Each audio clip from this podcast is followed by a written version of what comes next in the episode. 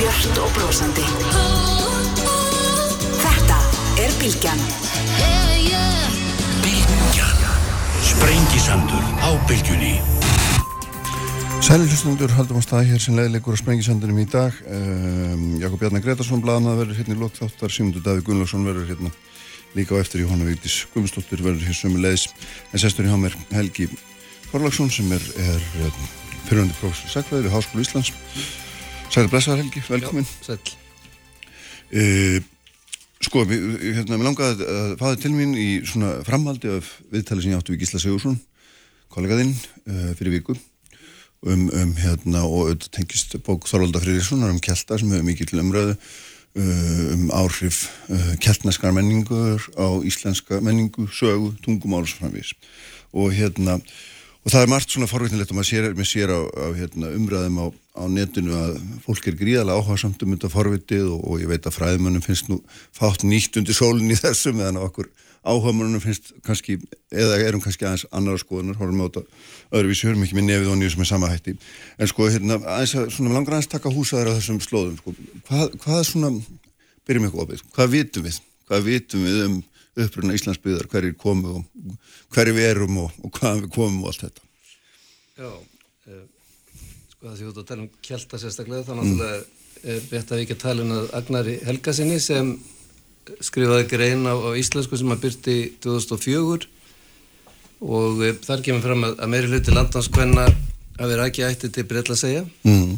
þetta vakti miklu aðtegli hann að vera að sinna þessu svo síðan og ég, þetta er ekki á mínu sérsviðu ég veit ekki mikið um þetta sjálfur sér Nei, nei, þessar DNA-rannsóknir Þessar DNA-rannsóknir eða kvartbera-rannsóknir og hann áleitið að 37,5% íslenskra kvennleggja eins og hann segir hafi komið frá Norrlöndum en 62,5% frá Breitlasegjum það er að segja það eru tveir á móti einum sko mm. þessu leiti til.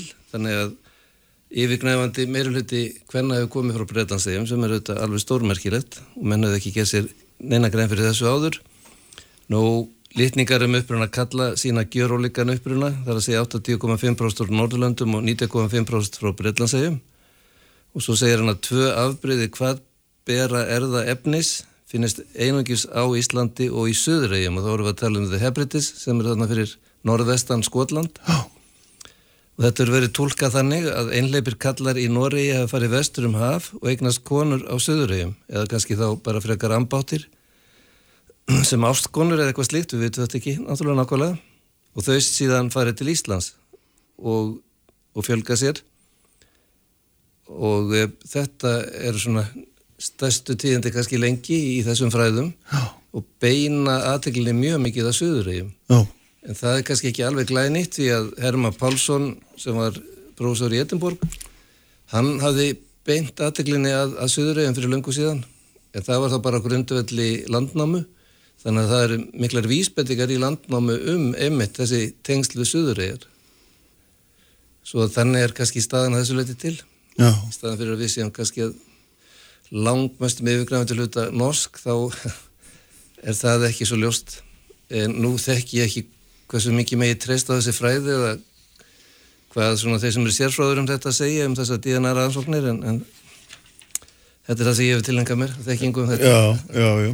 En þannig að það er svona ef maður tekur svona þessa almennu hugmynd okkar hérna, Íslendinga um það að við séum fyrst og fremst af einhverju svona norsku höðingikynni Já. þá, þá svona smám saman eftir því sem að þekking eikst þá náum við eða þá breytist þessi, þessi mynd af okkur eða hvað? Um, sko það er náttúrulega neytar engi því að, að íslensk menning er norræn Nei, nei. í aðaladröðum það er megin enginnanar við tölum náttúrulega norræna tungu. Og þetta er náttúrulega frekar skrítið ef, ef þetta var svona að kannski lang yfirgnæfandi meira hluti hvenna kom frá Suðureyjum, frá þessu gelíska svæði sko, sem er öðru nafni þá bara kjeltnæst svæði. Gelist er þá skost og íst og skosk kjeltnæst og ísk kjeltnæst þetta er kannski aldrei flóki sko, þessu orði skiptist kjeltnæst og gelist og svona. Já, en kjeltnæst er þá svona yfirheiti og þægilegt en sko maður ímynda sér náttúrulega að að menna við drukkið ímislegt inn með móðumjölkinni ef að þess ef, það er að segja börn þessara gelísku kvenna sem að komið frá Suðureyjum líklega. Og þannig hafi það er haft mikil áhrif á börn sín og við höfum náttúrulega lítið dæmi það sem er Melkorka sem að kendi sinni sín málaði pá að tala írsku. Mm. um, það er auðvitað ekki endilega sannsöguleg frásögn en sko hugmyndin náttúrulega lítur að vera einhvers starf námyndaði verulegan að, að, að börn hafi lært mikið í, í gelisku á, á tíundu öll segjum en á einhverju stíja svo bara ákveði þegar alþingi að stopna 930 kannski að miða fyrst og fremst við eða engungu við norrannatungu og, og heiðinni sko, margir af þessum gelisku aðgóðumönnum, kallar og konur hafa verið konuna kannski alkristnar og kallarnir halvkristnir, halvheiðinir eitthvað í þessum stíl. En það bara ákveðið að það sé henduast og best kannski, ég veit ekki hvað það er rétt orðalag að, að menn tali norrannu og séu heiðinir ásatrúar í aðaladurum mm. Um, og þetta er kannski ekkit alveg óvænt því að náttúrulega Íslandingar sem er fluttist til bandaríkjana eða Kanada þeir eru að læra ennsku eins og við þekkjum Já. og það er svona einhver samræmingar kannski tilneingi í þessu um, Þann, Þannig að stopnun alþingi svo einhver svona tilrönd til þess að búa til, ég veit ekki, getur við kallað þjóð eða einhvers konar svona heldarmynda á landið, það er hún sem að ræður því að nor, þessi norræna menning nær Sko þetta, yfirhandin, þetta. Svona, þetta virðist að gera svona, þetta er nú náttúrulega ábyrtingar Hermanns Pálssonar um alþingis, en þetta virðist að gera svona í aðalega dröðum en, en þar með ekki sagt sko að gelískan hafa endilega dáið út eða, eða snart opnað, Nei. en hún naut sín ekkit sem aðal tunga á neitt nátt, virðist vera. Mm -hmm. Og það er náttúrulega mjög marg sem bendir til þess sko eins og bara hvað er lítið að þér mönnum hefur virst, þannig að bók Þorvalds kom fram hvað verið lítið um tökku orð úr gelisku í íslensku máli. En hann er kannski að breyta þeirri mynd eitthvað? Já, svolítið, það er svona það er, það er, það er umdilt greinlega Það er spurning en þetta er náttúrulega bara fyrðulega fá orð sko sem menn hafa verið að, að týna til sem að þeir telja að vera gelisk 32 dæmi held ég Helgi Guðmundsson hafi sko, Já, eftir ítalega rannsóknir eftir ítalega rannsóknir og gerir goða grein fyrir þessu. Já. E, undarlega lítið. Já, það má kannski snúa í þannig líka. Mér er sérstaklega í ljósið þessara talana frá Agnar Helgasinni og þessu sem ég var að tala um um konundar og börnin. Já. Þannig að það er margt á huldu þarna. Er, er hérna því við sko fyrir einhverjum þrejum vikum þá áttum við nú spjall hérna um nýju bókinniðina sem er á sögustöðum. Já. Og þar voru við fjallum þessa romantísku hérna romantísku söguskoðun sem að fælst í því einhvern veginn að upphefja fortíðina og, og, og hérna, búa sér til einhverja glæstamynd af Íslandingum og, og skapa síðan þjóðirni eða hugmyndum þjóð út frá því mm -hmm. ég meina þessar hugmyndur um keltneskan keltneska áhrif Já. gengur hún ekki í berhag við eða myndi hún ekki gangi í berhag við, við þessa romantísku sögurskoðun og einhvern veginn svona tröfla hana eða hvað? Nei, hún gerir það ekki Hún gerir það ekki? Ég hérna... finnst þetta að vera svo hérna, góðið formalið að vera þú drafst hann í norði, já, já, ok En Jón Aðils ég maður já. og hann gaf út rítið Íslands tjóður náður 1903 og hann telur þar í þessu ágæta rítið sínu sem var mjög áhrifamikið mm. hann er maður sem mótaði þessa sögurskoðan sjálfstæðisbaratunar endarlega og hann telur þar að kjellnæsk blóðblöndun hafi valdið því að Íslandikar eru strax sérstök þjóð sko. Það er það sem er mikilvægt. Þannig að þeir voru ólíki normönnum sáðan og þá var hann alltaf með að við Íra fyrst og fremst. Hjá Íra var bókmyndalið mikið og um, þeir voru skálda þjóð segir hann og reytuðu fagrar skinnbækur. Og svo kemur þetta orðala hjá hann hjá Íslandikur rann saman fjör og hugvit kelta og staðfest og viljaþreg norðmanna og fætta sér sjóðlíf sem varðleifur átt sín líka í sögunni. Þannig að kemur þessi gamli römbingur sem, sem að fylgdi þessari sögurskoðun í ráðu fyrr. Nú og e, þetta er þá eina skýringu þess að, að gullöldin var til sko, gullöld í stjórnskipin gullöld í bókmæntum sem við vorum að tala um með mitt fyrir þreymur vikum. Já. og kjellnarska blóði það skýri þá skaldskap og sögulist Íslandika og Já. þetta fjall bara ágætlega í krami sko, einar Rólaður Svensson var prósar í bókmæntum og hann var nú mjög svona á þessari línu sko, sögurskoðan sjálfstæðisbaratunum fylgdi því einu og öllu. En hann átti mjög auðvelt með að, að ímynda sér að írska bókmyndir hefði haft mikil áhrif á, á íslenska bókmyndir hann stáða fyrir sér sko var með svona kenningum um það að, að gelískan og, og gelískar munumentir hafi ekki dáið út heldur lifa með alþýðin á Íslandi. og byrti svo í fornaldarsögum sem að farið er að skrá þarna kannski á 13. öld en einhverjum á 14. öld.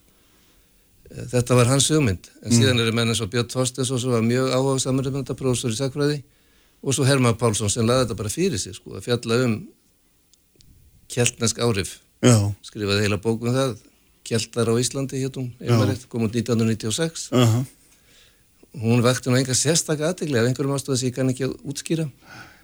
En, eh, en það er hann sem eins og ég var að tæpa á einmitt koma auð á þessi tengslu suður í er öðrum fremur. Og hann hefur haft rétt fyrir sér þar sko með þessar tölur frá Agnar Helgasinni. já, akkurat, nákvæmlega. Og það er svona, hérna, þessar tölur uh, styðja svolítið við þessar svona Já, hugmyndur um eitthvað, hvað maður kallaði, fjölsgrúður eða bakgrunn heldur en, já, já, heldur en áður hefur verið talið. já, já, en sko, já, en það er þessi sérstöku tengsluði suðurægir sem eru svo sérstök sko, þó að hérna, við náttúrulega séum að gera okkur betur og betur grein fyrir því að þetta var kannski ímsiliti fjörmenningarsamfélag og, og það voru þarna náttúrulega samar og það var kannski fólk frá Englandi og Já, en, um hlutvöld þar vitum við náttúrulega ekki neitt sko. nei, nei. Nei, nei. En hvað, er, sko, þegar við erum að ræða þetta, þá erum við kannski að horfa á landnámu Já, sem að lýsir upphafi Íslandsbyggðar. Já. Þetta skrifuð einhverjum hundruðum ára eftir, eftir að menn komu hingað. já, En það er ennþá svona, það er okkar heimild Já, já. innan gæsalappa, er það ekki? Hermann svona var að reyna að vinsa úr eitthvað sem að taldi sennilegt í landnámu og, og máli var þá það að hann svona hafði nokkuð nokku mikla trú á, á mannanöfnum og viðurnöfnum og örnöfnum og hann hafði trú að mannanöfn hefði varfist kannski frá elstu tíð í, í ættartölum og svo er ekki allir sammálið það og segja ættartölur eru varasamar og svona Mm. Eh, og út á þessum grunni sko fór hann að tengja svo mikið við Suðureyjar Já. og hann sá fyrir sér einmitt að, að þar var þessi ætt Bjarnar Bunu sem margir kannast við úr Íslandikasónum sko, margar ættatölur enda á Bjarnarssonar Bunu Grímssonar Hesses og Sogni Já. það er svo ætt sko, sem var svona fyrirferða mikil á Íslandi á, á elstu tíð og að þessari ætt var Ketill Flatnöfri faðir Auðar Djúbúðgu og þeirra allra mm. og í þessari ætt er mjög ábyrjandi sko að það koma svona keltnesk mannanöfn og keltnesk viðunöfni og Herma byggði mikið á því. Og hann var kannski manna fyrstur eða stundu var að manna fyrstur til að útskýra suma þessum nöfnum. Helgi Magri tengdist nú þessari fjölskyldu. Hann var hérna tengdasonur Ketils. Já, já, og Herman hefur haldið því fram að, að Magri sé keltnest. Og hann er sko Hann hafi ekki verið magur með öðrum orðum? Nei. Nei. ekki endilega. Nei. og, eh, og hann er sko, Herman er mjög gætin í þessum álustinu sínum. Já, og hann er svona ekkit að predika neitt keltneskan upprinnið að leggja sem mest áherslu á það, hann er bara áhuga á þessu og, og eh, en hann nýtti sér þetta sko, mannanöfn, viðunöfni og örnöfni svo. mm.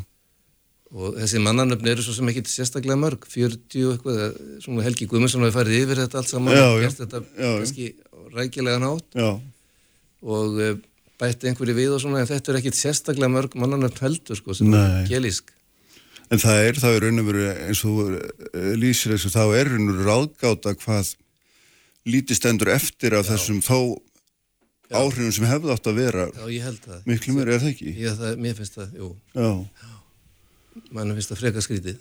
Já. Akkur var þetta einhvern veginn bælt, akkur kemur þetta ekki skýra fram og svona?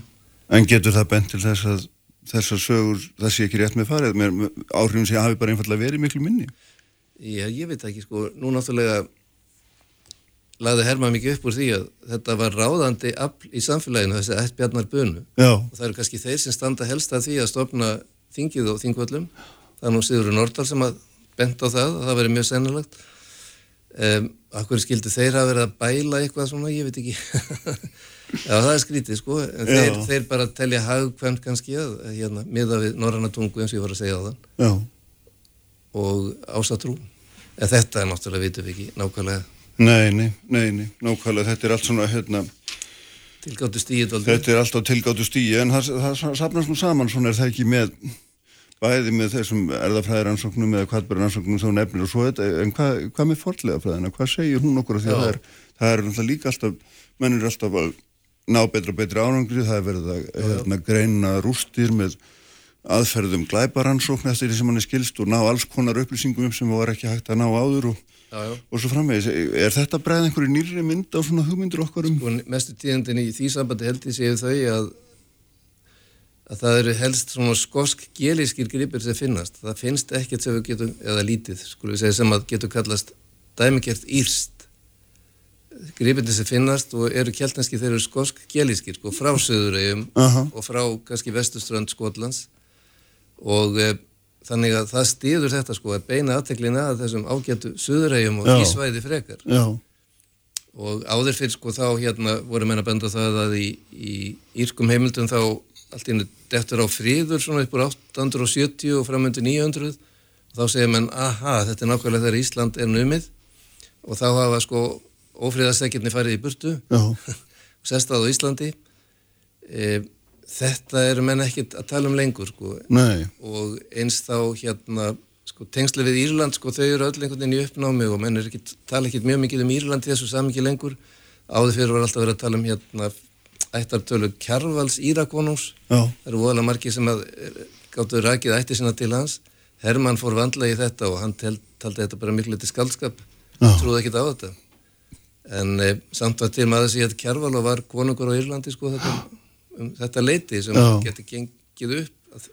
En bara hún finnst auðsætt að þetta hljóta að vera skaldskapir mjög oft og kannski oftast Mhm. það er til dæmis ábyrjandi að, að ættir biskup í Íslandi eru rakta til þess að Kjarvals það er eitthvað að það, er, það er margt ölaföld í í þessum fræðum. En það er líka hérna þú talar um ískárin og þá rekst maður mjög víða á þessar umræðu um Dublin eða Dublin sem þræla markað Já, já. sem á að hafa skilað, skilað fjöld, fjölda fólksingað Suðureyjar eru mjög mikilvægar sko í sabati við Dublin Já, uh, og siglingarlegina frá Nóri hún mennur að geta komist þarna til Dublina til þess að stunda veslun þar og viðskipti og eru þá að geta treyst svona sæmilegan frið og öryggi í, í Suðureyjan því að siglingarlegi láð þar um frá Nóri til Dublinar og þess vegna þurft var svona hendur sko fyrir normenn að vera sterkir menn þarna á þessum slóðum Já. sem held upp í friði Já.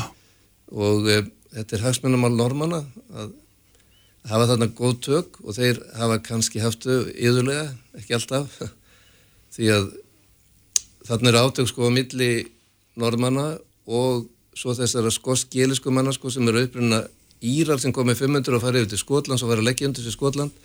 Og þeir eru að rekja það sem eru kallaði pjettar og enn svona huldu þjóð mikil, menn veit ekki hverju þeir voru eiginlega en, en pjettarnir áttu heima á Katanesi og þeir áttu heima í Orknum og Hjallandi það er spurning hvort þeir voru í, í Suðurheim, eitthvað hafa þeir verið þar sannlega en hvernig var þegar að svo norræni menn fóru að leggja undir sig þetta svæði Jú, þeir kúuðu fólkið á, á Hjallandi, þeir kúuðu pjettana sem voru kallar orkar mm. orknum, þeir kúuðu pjettana á Katanesi, þeir voru kallaði Katar. Og svo voru kúuður fólkið sjálfsagt á Söðureyjum líka, svona um 850 voruð konið þangað. Og það er spurningi sko, voru það pjettar eða voru það, var það skoskjelist fólk? Og ég, maður veit ekki hvort þeir heldur. Nei. Um, en við erum sérst að pjettar líka Já, Það eru þau pikt á ennsku sko. já, já. Að því þú notaðir orðið fjölmenningar samfélagan, þannig að orðið sem Gísli notaði líka og, og svona allavega, minnst það svona að vera, það, það, það er nútímalega orðið sem maður hefur ekki oft heyrt notað um Ísland til forna. Nei, ég meit En ég er tútlega með sannfæður um það að við höfum verið einhvers konar fjölmenningar samfélag og ég veit ekki, sko, ég, einhvers staðar 900.000, 1100, ég veit ekki hvað er nákvæmlega maður á að setja Já, já. fingur, sko. Um, Já, náttúrulega þarna tala ég um pjetta og við erum að tala um skoskjelist fólk og kannski voru einhverjir írar hérna líka og fólk frá Englandi og svo voru samar og svo Já. komu jafnvel svíjar og eitthvað svona fyrir utan norðmennina. Þannig að hérna hefur ég áverið svona samfélag, fjölþjóða samfélag hvað sem að fjölþjóða menningu líður ég veit ekki alveg hvað maður haldið það. Nei, en um, svo er svona spurning, var það einhver samræmingar árátta ríkjandi? Mm. Og það er það sem er svona það sem við sljótum að huglega mikið. Já, einmitt þá erum við aftur konir að þessu alþengistofnuninu og hvort að það hafa einhvern megin, Já. en það var náttúrulega ekki vald í landinu til þess að samræma þetta, þetta var, ekki, þetta var algjörlega dreifstýrt, Nei, það er eða, eða hvað, það er þessi merkilega kenning sko um það að fólki á þessari fjölskyldu þarna ætt Bjarnabunur hafi tekið sér saman um all land. Það er náttúrulega merkilegt sko að, að búa til þing fyrir þetta stóra land. Já, þó Ísland sé ekki risastór sko, þá hefur ekki verið algengt að, að það væri eitt þing fyrir svona stór svæði á þessum tíma. Það var til svona samlið þing á Mön og í Færium en í Nóri voru mörg þing. Og akkur gerða með þetta? Það kostað heilmikla vinnu samstöðu. Og við höfum ekkert um þennan að bara frásögn hérna aðra fróða um grím getskur eða getskó eða hvað hann hétt eh, sem fórum all landi sko og fekk menn á sitt band og fekk menn til þess að senda fulltrúa til þings eða koma sjálfur eða hvað það var. Já, og þetta er náttúrulega heilmikið starfa merkilegt sko, þannig er einhvern samræmingar árátt að í gangi hafa ein lög í landinu og sömu reglur fyrir alla og eitthvað svona. Já, það getur ekki annað verið. Nei, nei, en hvað, já, hva, hver er kenning manna um það hvernig, hvers vegna hafi staðið, er það fyrst og fremst þessi ættar, ættarsaga sem á að hafa ráðið því að, að þessi leiði farin hér en ekki, ekki, það sem, ekki eitthvað í líkingu við það sem gert annars það, því auðvitað eru þingstaðir víða um land, ekki satt, jú, jú, jú, Líka. það, en eitthvað smærri, Það er alveg sammeilið ting sko, það eru vorþingstaðir við Já, um land. það hefur nú kannski ekki verið mikið regla á því. En þarna verður að reyna að koma upp sameilegu þingi og verðist að tekist. Og það er það sem er merkilegt. Mhm. Í svona ósamstæðu landi það er að segja, landi er erfitt yfirferðar og, Já, og svo er fólki úr öllum áttum og, Já, og menn hafa sagt sér svo sko, fólki er úr öllum áttum og þess vegna náttúrulega bara varða samræma og fá fastar viðmeðinar um lög og reglur. Það þýtti ekkit annað. Nei. það er kannski megin skýringin hvað sem líður ætt bjarnar bunu. Já, akkurat, nákvæmlega. En það sem er alltaf líka stórmerkild eins og nefndir áðan og hérna allavega mist áhugavert er sko þessi hugmynd sem að, uh, þú nefndir að vera frá Hermanni Pálssoni í Mandri, hérna, um, eða var það, nei, hérna, nú hann ekki hvort það var, Nei, uh, um, um það hvernig, hvernig sagt, þessi írsku skaldskapar Já. áhrif renna saman við innan norrænu staðfestu, Já. því að það, það síðan verður til þessir það ekki að um, svona munlega frásagnar hefð flist eða er hér viðvarandi og verður síðan að þessari rítmálshefð sem að er svona okkar, okkar, jú, okkar sko- sögur og okkar mesta menningarafreg náttúrulega. Jú, jú. Sko Íslandika náttúrulega hafa með oss mikið við það að hyrskáld í Nóri voru jafnan íslensk. Já, og af hverju er það að spyrja menn og hafa hugsað mikið um þetta? Og e, líklega hefur þá myndað svona skáldskapar skól eins og Gísli Sigursson var að tala um það og, og hvort að menn lærði eitthvað af írum endilega í þessu sambandi það er ekki gott að segja en þetta var svona sérgrein Íslandika svona skáldskapar fræði allskinn sko, það voru heilmikið fræði kringum þetta og, og atvinnumenn í, þessari grein hirskáldi sko eru að kunna ógrina kveðskap og hafa það alltaf á hraðbergi, mm. virðist vera. Og e, þetta er þetta mjög merkilegt og akkur var þetta til á Íslandi? Og þá er ekkit skrítið að menn skulle hafa litið til Írlandsson og spáði það getur verið þannig að séu ísk áhrif einhvern veginn. Og, en það gengur frekar illa svona að tengja það mjög vel saman sko. þetta er aðteklisverst og merkilegt og kæmi til greina og eitthvað svona eins og Gísli var að rekja sko, hann Já, var ekki þetta ágætlega. Jú, jú. en e, einhvern veginn vantar loka nikkin sko til að sína fram á þetta sko. Já, því en að hérna við Íslendingar náttúrulega er ekkit kveðskap á gélisku sko eða Nei, nei. sjálfur, það er ekkit að slíku tægi og þetta er allt á norrænu. En er þá á sama skapi hægt að segja að, að þessi skaldskapar list, yðja, vinna eða hvað við erum að kalla það, er hún þá óþekkt á öðrum norrænu málsvæðum eða, eða hvernig er það? Sen, nei, nei, sjálfsagt náttúrulega megu ekki íkja þannig sko. Þetta segja allar sjóðir sögur. Já, það eru sagnamenn allstaðar og það er kveðskapur allstaðar og svona. En þetta var einhvern veginn að sérstaklega skóla sko þar sem menn urðu atvinnumenn Íslandíkar og þótti fínt þá greinlega að hafa fínt en að gæsalappa sko að hafa hérna Íslandík sem hirskáld sem var vel að sér. Og þessi hirskáld þau náttúrulega kunni ógurinn af, af fornum kveðskapu í því sambandi allskinn sögur sem þeir gáttu sagt. Þetta tengist oft sko konungum, þetta eru dróttkvæði sem eru orð við hýrðir fyrri konunga sem þeir lögðu á minni þessi skáld og gáttu sagt frá fyrri konungum og svona höfðu allskins fróðleik á hraðbergi og þóttu mjög gaglegir og skemmtilegir við þessar norsku hyrðir. já, þetta hefur verið svona aðþreng síns tíma. Já. Já, já. En svo er náttúrulega líka mjög merkilegt er það ekki að hér varðveita sögur af konungum með mitt sem Jú, hver jú, gerur jú, til annar staðar, ég menna í Flateyjabók er, er, já, er þetta- dæmið þetta grænlendingasaga og fleiri þar sem að sem að hver gerur til annar staðar. Já, já, það leiðir að sjálfu nefnilega því að um leið og þessir menn kunna ógrinna fornum hvaða það kunna líka geysi mikið af fornum sögum um eða fólki sem verður að fjalla um og bardagana sem verður að segja frá og svona og, og þar er náttúrulega komið efni í miklar sögur mm. úr þessum náttúrulega vann Snorri Sturluson sem frækt er því að hann nýtti þennan fornan hvaðskap og saði konungasögur og, og þegar farið er að skrá svona konungasögur þá er kannski stutt yfir að fara að skrá íslendingasögur og svo framvið sko. Þannig að þetta er náttúrulega geysið mikilvægt fyrir íslenska menningu þessi hyrð hveðskapur allur. Já, Þetta fyrirbriði sko, skalda skóli svona einhvers konar. já, Mjög merkilegt. Nákvæmlega. Sko, hérna, við þurfum að hérna, fara að setja punkt allavega þessu sinni, sko, en, en hérna, ég held ég að hún spurta þessu líka síðast við tölunum saman, sko, hvað, hérna, hvað máli skiptir það í raun og veru, hérna, hvers konar sög og skoðun er ofan á hverjum tíma? Þegar við erum að skoða þessa fortið upphafið, breytir það einhverju hvort að, fyrir okkur hvort við erum meirið að minna híðan eða það, hvað finnst þér? Ég veit ekki. Þetta er einhvern veginn, þetta er spurning sem að þú getur kannski svara frekar í að hvað er svona vinsælt sko að, að eh, láta sér þetta í hug og reyna raukstiði að við höfum verið kannski að miklu leiti kjaldnesk og þetta er ekkert nýtt sko. Nei. Hérna menn eins og Benditur Hofti og Átni Óla voru upptegnir af þessu og bækur þeirra rók seldust sko.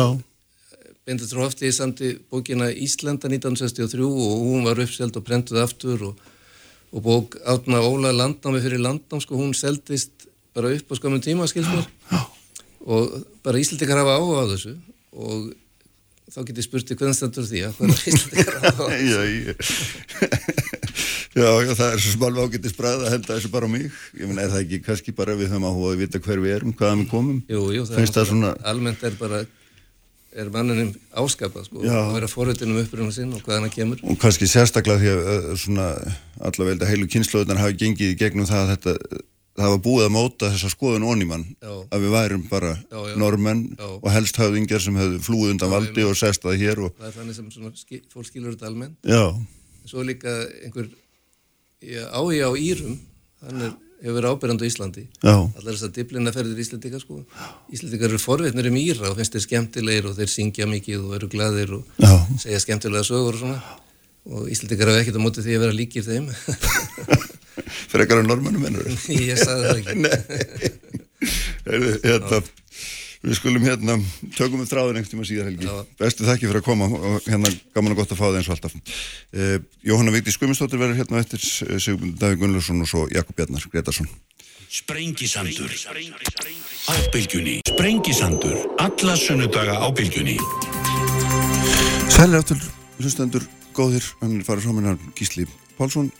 Gísli Pálsson, hvað er auðvitað þetta Helgi Þólagsson, ég var að lesa hér, við lasir upp á blaði, vill að snabbt, hérna og uh, þeir verða hérna eftir Jakob Bjarnar Gretarsson og Sigmundur Davík Gunnlaugsson, þó ekki saman, en sestir hjá mér Jóhanna Vigdís Guðmundsdóttir sem er svona dagstæli í starfa sem frangandistur Almannaróms. Sælblessuð, velkomin. Takk fyrir. Uh, ég ætlaði, hérna, en þú ert nú líka, sko, auk þess að vera frangandistur Almannaróms, ertu líka auðvitað fyrirhundi stjórnmála kona og hérna, er það ekki fyrirhundi? Eða ertu það? Já. Svo- það er ekki útilega góð að snúra eftir þetta. Og hérna, en lert líka pislu undir á fréttablaðinu og það sem er mjög svo áhugavert núna þú skrifaði pistil um svona umfjöllun um konur á ofnbjörnum vettvangi og, og hérna og, og það sem er svo- svona, þú ert eiginlega að draga það mynd sem ég langa að spyrja út í sko, að það, það hefur lítið breyst það hefur lítið breyst og þær þurfum við ennþá að hérna, uh, búa við miklu erfiðar umfjöllun, uh, bitrari, grimmari þrengri og svo framvegis og hérna, mér finnst það svona merkilegt og síðan gerist það þetta líka fórstættisræður Nýja Sjáland sagði af sér. Akkurat. að því henni fannst hún ekki standundi kröfum og þá sprettum hann að segja að þetta hefði konu aldrei sagt. Hún, nei þetta hefði kall aldrei sagt segi alltaf undir kröfum ekki satt? Og hérna, mér langaði þess að, já, finnst þér þetta vera þannig í að svona þessi þessi umfjöllun, hún einhvern veginn svona bara hún heldur áfram ár eftir ár eftir ár og ára 2 eftir ára 10 Já, ég held að sko, þrátt verið að margt hafi breyst og, og þetta mikil framfæraskref verið stíðin í þegar kemur af réttandi kvenna og möguleika kvenna uh, þá, þá þurfum við alveg að viðkjöna það að samfélagsgerðin hún er bara þannig að, að svona þessi, þessar hugmyndur um eðlisbundin eða kynbundin hlutverk fólks og, og það hvernig við eigum að vera uh, hún er svo samofinn því hvaða þá hugmyndir fólk hefur um það hvernig við megum vera. Skilur við eins og mm þessi ofinböru umræðu og hugsa um sko bara hvaða mælikvarðar eru settir á konur versus karla, þá eru til dæmis karlar, þeir eru fylgnir sér á meðan konur eru erfiðar, ég held að við höfum öll dæmi til dæmis úr um, samfélagsumræðinu undarfarið Já, já. um það sem, sem eru svolítið sérkennileg uh, karlar eru ákveðnir og konur eru frekjur mm. uh, karlar eru valdsmannslegir sérstaklega í stjórnmálum og meðan konur eru þá hrókafullar sem að setja sig á sama stall sko. en þá horfum við til dæmis á uh, ég myndur að halda það að það eru það er okkur fátt sem konur hræða sér mikið eins og verðast stimplaðar erfiðar. Já, og svo er það nota núna rifjum með hans upp þetta frábæra ármáttaskaup sem að Dóra Jóhannsdóttir leikstýrir og, og er líklega bara besta ármáttaskaup í manna minnum ég, ég ætla að vera að segja þá öll umræðin er þannig, það elskar allir þetta akkurat. og reyndar vill það mér til líka það allir sem að koma að gerð þessara ára, þessa áramáttarskaups elska þannig leikstjóra mm Mhm. -hmm. fóra frábær, æðisleg í samstarfi og við sjáum hvað hérna, hverju það skilar en síðan voru hún sér þarna að gaggrína eða byggjum upplýsingar frá framleiðenda og, og gaggrína það að hún fá ekki þær upplýsingar og, og, og, og tala síðan um það í einhverju brefi til rúf sem að síðan er leikið mm. og svarið er það að hún sé erfið og, og það þá, það er eins og það eigi þá að slá öll vopnur hennar höndum og gera það sem hún hefur að segja fram að færa bara mjög marklíti Já, og það versta er að þetta er tekið upp Þess, þetta uh, mér minnir að það hefur mér að segja tekið upp í fyrirsögn í einhverjum fjölmiðli að, hérna, að Já, já. Já, hún væri nú bara erfið já, já. en eðlilega þá þá hérna, Sem þarf ekki að vera rámt. Hvað segir Já, þarf ekki að vera rámt. Nei, það En það aldrei bara á að ekki vera skipta rétt, neinu, sko. en, Karl til dæmis sem var leikstjóri þannig að Reyni Lingdal hefur leikstjóri Ármannskjöpsins hefur ykkur talað um hann sem erfiðan ég menn ef hann, ég myndi nú gera kröfum að fá að sjá mm. -hmm. uh, fjárhásáallin Ármannskjöpsins væri Reynir mjög erfiður ég hefast um það Mhm. uh, á samaskapi þá held ég að sé alveg ágætt að muna til dæmis rifja bara upp það sem er svona nálagt ok- okkur í tíma uh, Katrín Jakobsdóttir ykkur er heldur þínu fram að uh, hún væri ekki í bílstjórasætinu í ríkistjórninni og það væri rauninni bjarni og ég fór að velta því fyrir mig byttu uh, Það var þingmaður samfélkingarnir satt í sama stólu þú er núna sem sagði það. einmitt og ég ber nákvæmlega enga ábyrð honum Nei, nei, nei, ég er ekki að segja það heldur. Ég er bara, ég er bara það. einmitt, en, en það er okkur það líka hefði ykkur sagt það sama uh, um Bjarni sem dæmi í fórstæðsaráðunitinu, hann væri nú ekkert í, í bílstjórasætinu, það var bara einhver annar Já. ég held ekki, þannig ég held að það sem skiptir svo miklu máli sé að við viðurkennum í rauninni að, að hversu samofið þetta er ennþá hugmyndum fólks um hlutverkinjana og það eru leiðandi möguleikum þeirra til þess að tjá sig um ímis mál Mm. og um leið og þú ferð að segja eitthvað uh, sem að kemur við eitthvað uh, ykkurum finnst óþægilegt þá er svo auðvelt að grípa í þessar svona ja, fordómafullu erki týpur og henda þeim á viðkomandi konur oftast og gera þar að leiðandi lítið úr því sem það er að fram að fara Já. þannig að mér finnst þetta að vera svolítið mikilvægt þess að stundum er þetta tekið fram grímulaust eins og til dæmis núna í, í, þessari, í fáralegri fyrirsögnum Kristrúnu Frostadóttur í já. þar sem að það er hversu uh, hátt flokkurinn mælist í hérna, könnunum núna sé, uh, sé þá merkjum það að, að hún sé að toppa og snemma sem stjórnmála uh, leittói og svo kemur fyrirsögnin ótíma bært sálat þetta er svo fráleitt Mm. og að búa til svona kynferðislega vísun um stjórnmálamann og setja það fram í, í fyrirsögn. En oftast eru svona hlutir uh, setti fram til dilgjur og slúður og hitt og þetta. En þarna er þetta bara komið fyrir, andlit, uh, bara fyrir framann andlita á fólki. Já. Heldur þau, sko, að því að sumpart ertu að, að tala um orð sem að við hefum alveg skilt að setja hérna fyrir 30 árum og tala til dæmis um hérna, eins og frekju.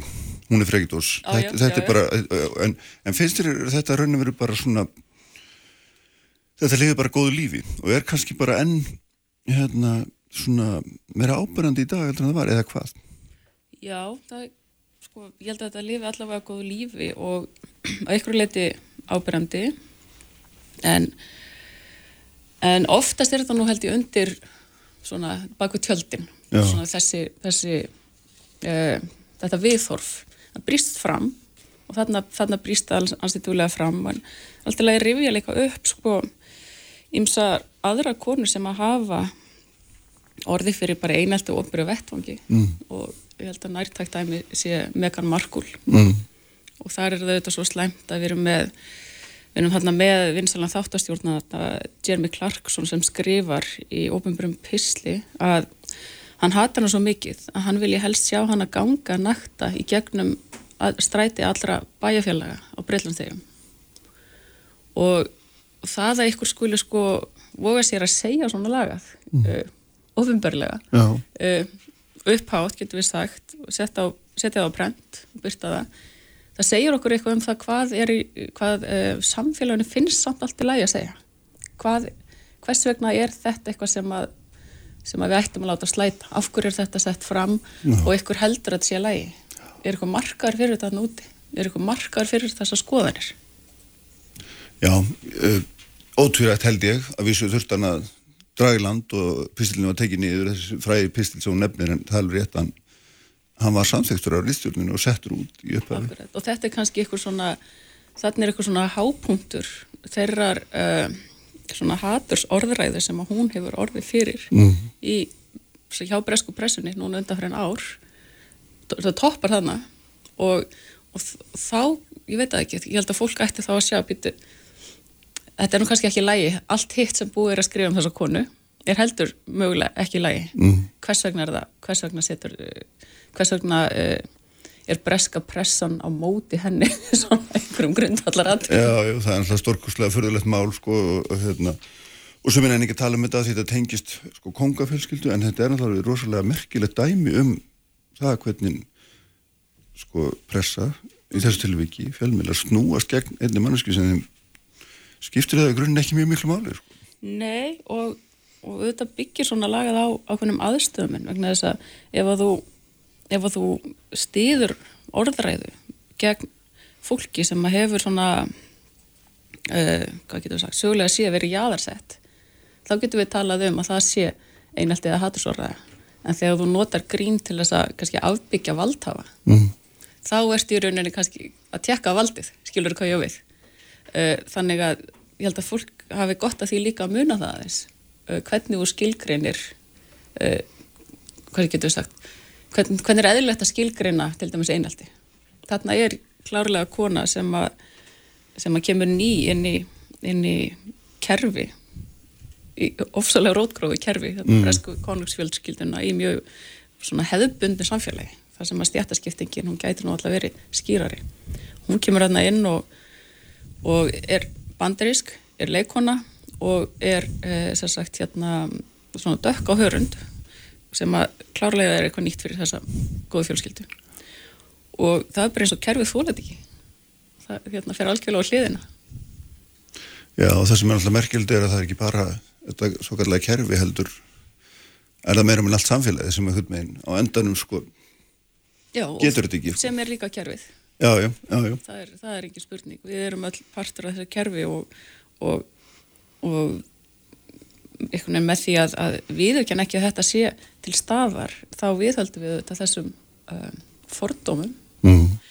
og það eru, við getum líka litið lengra aftur í tíman og velt fyrir okkur sko bara Monika Lovinski máluna Já, já, já. talandi um hérna, einelti og ofnbyrju vettvangi það, ég veit ekki hvort að það hefur verið látið raunverulega látið viðgangast í dag Er það ekki akkurat 30 ára eða hvað það er? Eða sýndist 25, ég man það ekki, ég sá ekki hérna, alltaf sé ekki ætla 25, já, jú. En ef við horfum á til dæmis Monika Lewinsky og Meghan Markle, horfum á þessi dæmi hlið við hlið, uh, er svo mikill munur á því.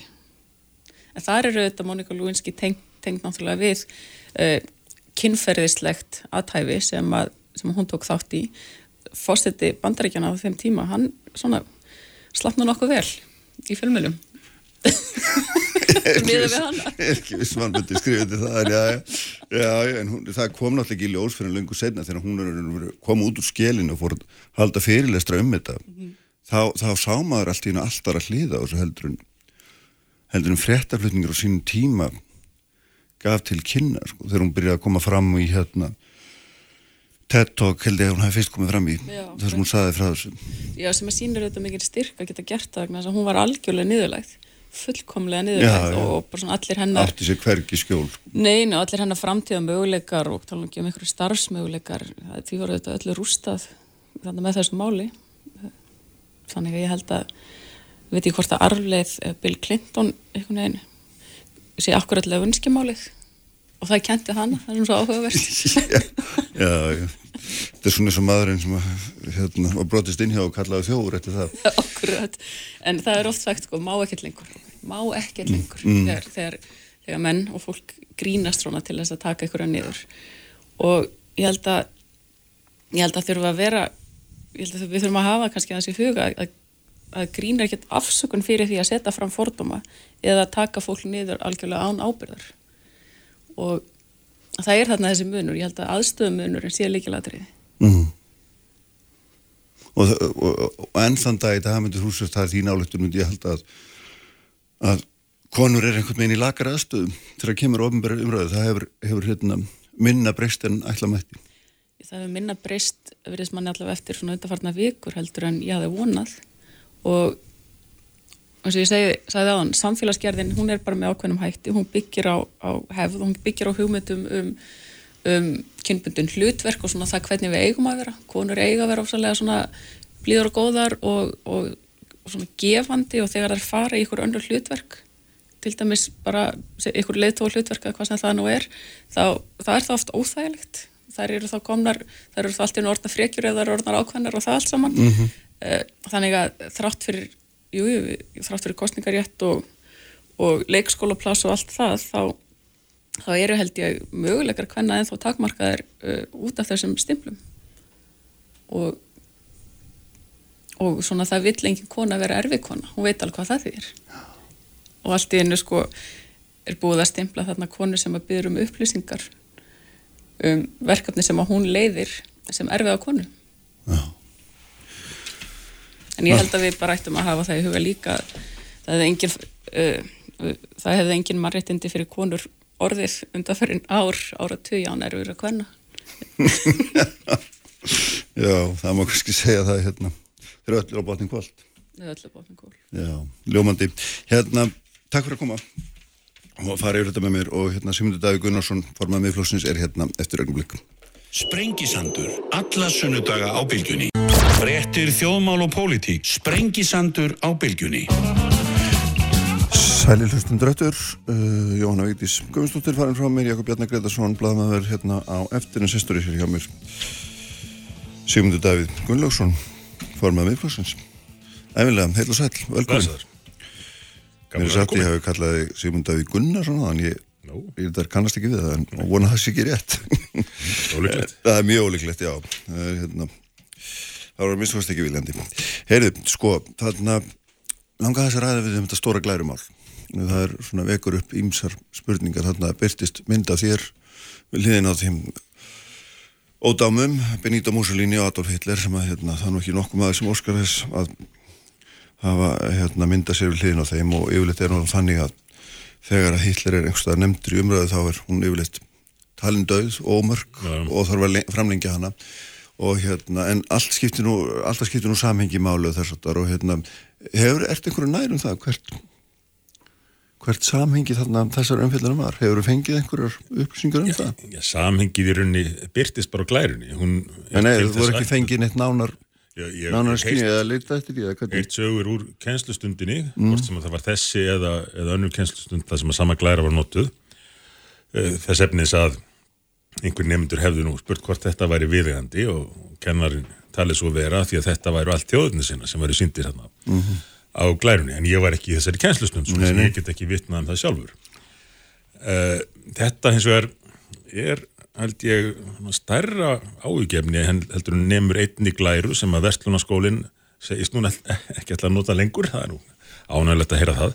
En við höfum séð aðra glæru og kennslustund það sem að voru búin til tengsl milli, milli sjálfstæðisflokksins og, og morðsveita þriðaríkisins og og svo hefur maður fengið að heyra sögur af því að, að það sé auknum mæli, eða tilfinningin sé svo í auknum mæli verða að kenna einhverja tildekna innrætingu í, í skólum og ég hef náttúrulega gríðalegt álit eins og ég held að flestir hafi á kennurum. Móðu mín er, er kennaramentuð, ég minnist kennara gegnum tíðina með miklum hlýhug og að þakklæti Það er ekki gott ef það er að gerast hér eins og hefur nú talsvett verið rætt sem staðar erlendis að kennari séu farnir að líta svo á að þeir hafi algjört frelsi til þess að nota kennslustofuna til þess að innræta nefnendum, ungu fólki og börnum sínar skoðanir. Það sem að jóka á áhyggjur mínar við þetta var þegar að fórstuðum aður uh, kennslusviðs, framhaldsskóla kennarasviðs Háskóla Íslands uh, hafði það helst um þetta mál að segja að stjórnmáluminn ætti ekkert að vera að skipta sér af því sem að kennarar gerðu. Mm. Merkingin virtist vera svo að þeir ætti bara, bara að fá að hafa þetta eins og þeir vildu uh, og, og án, án þess einu sinna stjórnmálmenn gætu gert aðtúa sem þegar farið, farið væri fram með þessum hætti. Þannig ég hvet nú fóraldra til að fylgjast með því sem að verður að kenna börnunum. Mhm. En hefur þau eitthvað annað en mjög óljósa tilfýringu fyrir því að að hérna það sé bröðið út af góðum síðum í kænslistofum almennt. Muna, Ég, ég myndi ekki segja að það væri almennt en, en maður hefur fengið að heyra sögur bæði beint og svo hafa menn sem eru verið að lýsa reynslu sinni eða batna sinna á, á netinu og ég byrta fleiri glærur heldur en það sem ég nefndi. Og þessi viðbröð kennarinn sem heldur utanum nám framhaldsskóla kennara eru svona til þess fallin að auka ávíkjur mínar af þessu. Ég þetta er þegar orðið stórmál sem staðar annar staðar þessum að fóreldrafél og jafnvel hafa séð ástæð til að gera uppreist gegn skólastjórnundum vegna þess hvernig kennslu hátt. hvert er þetta að vísa núna?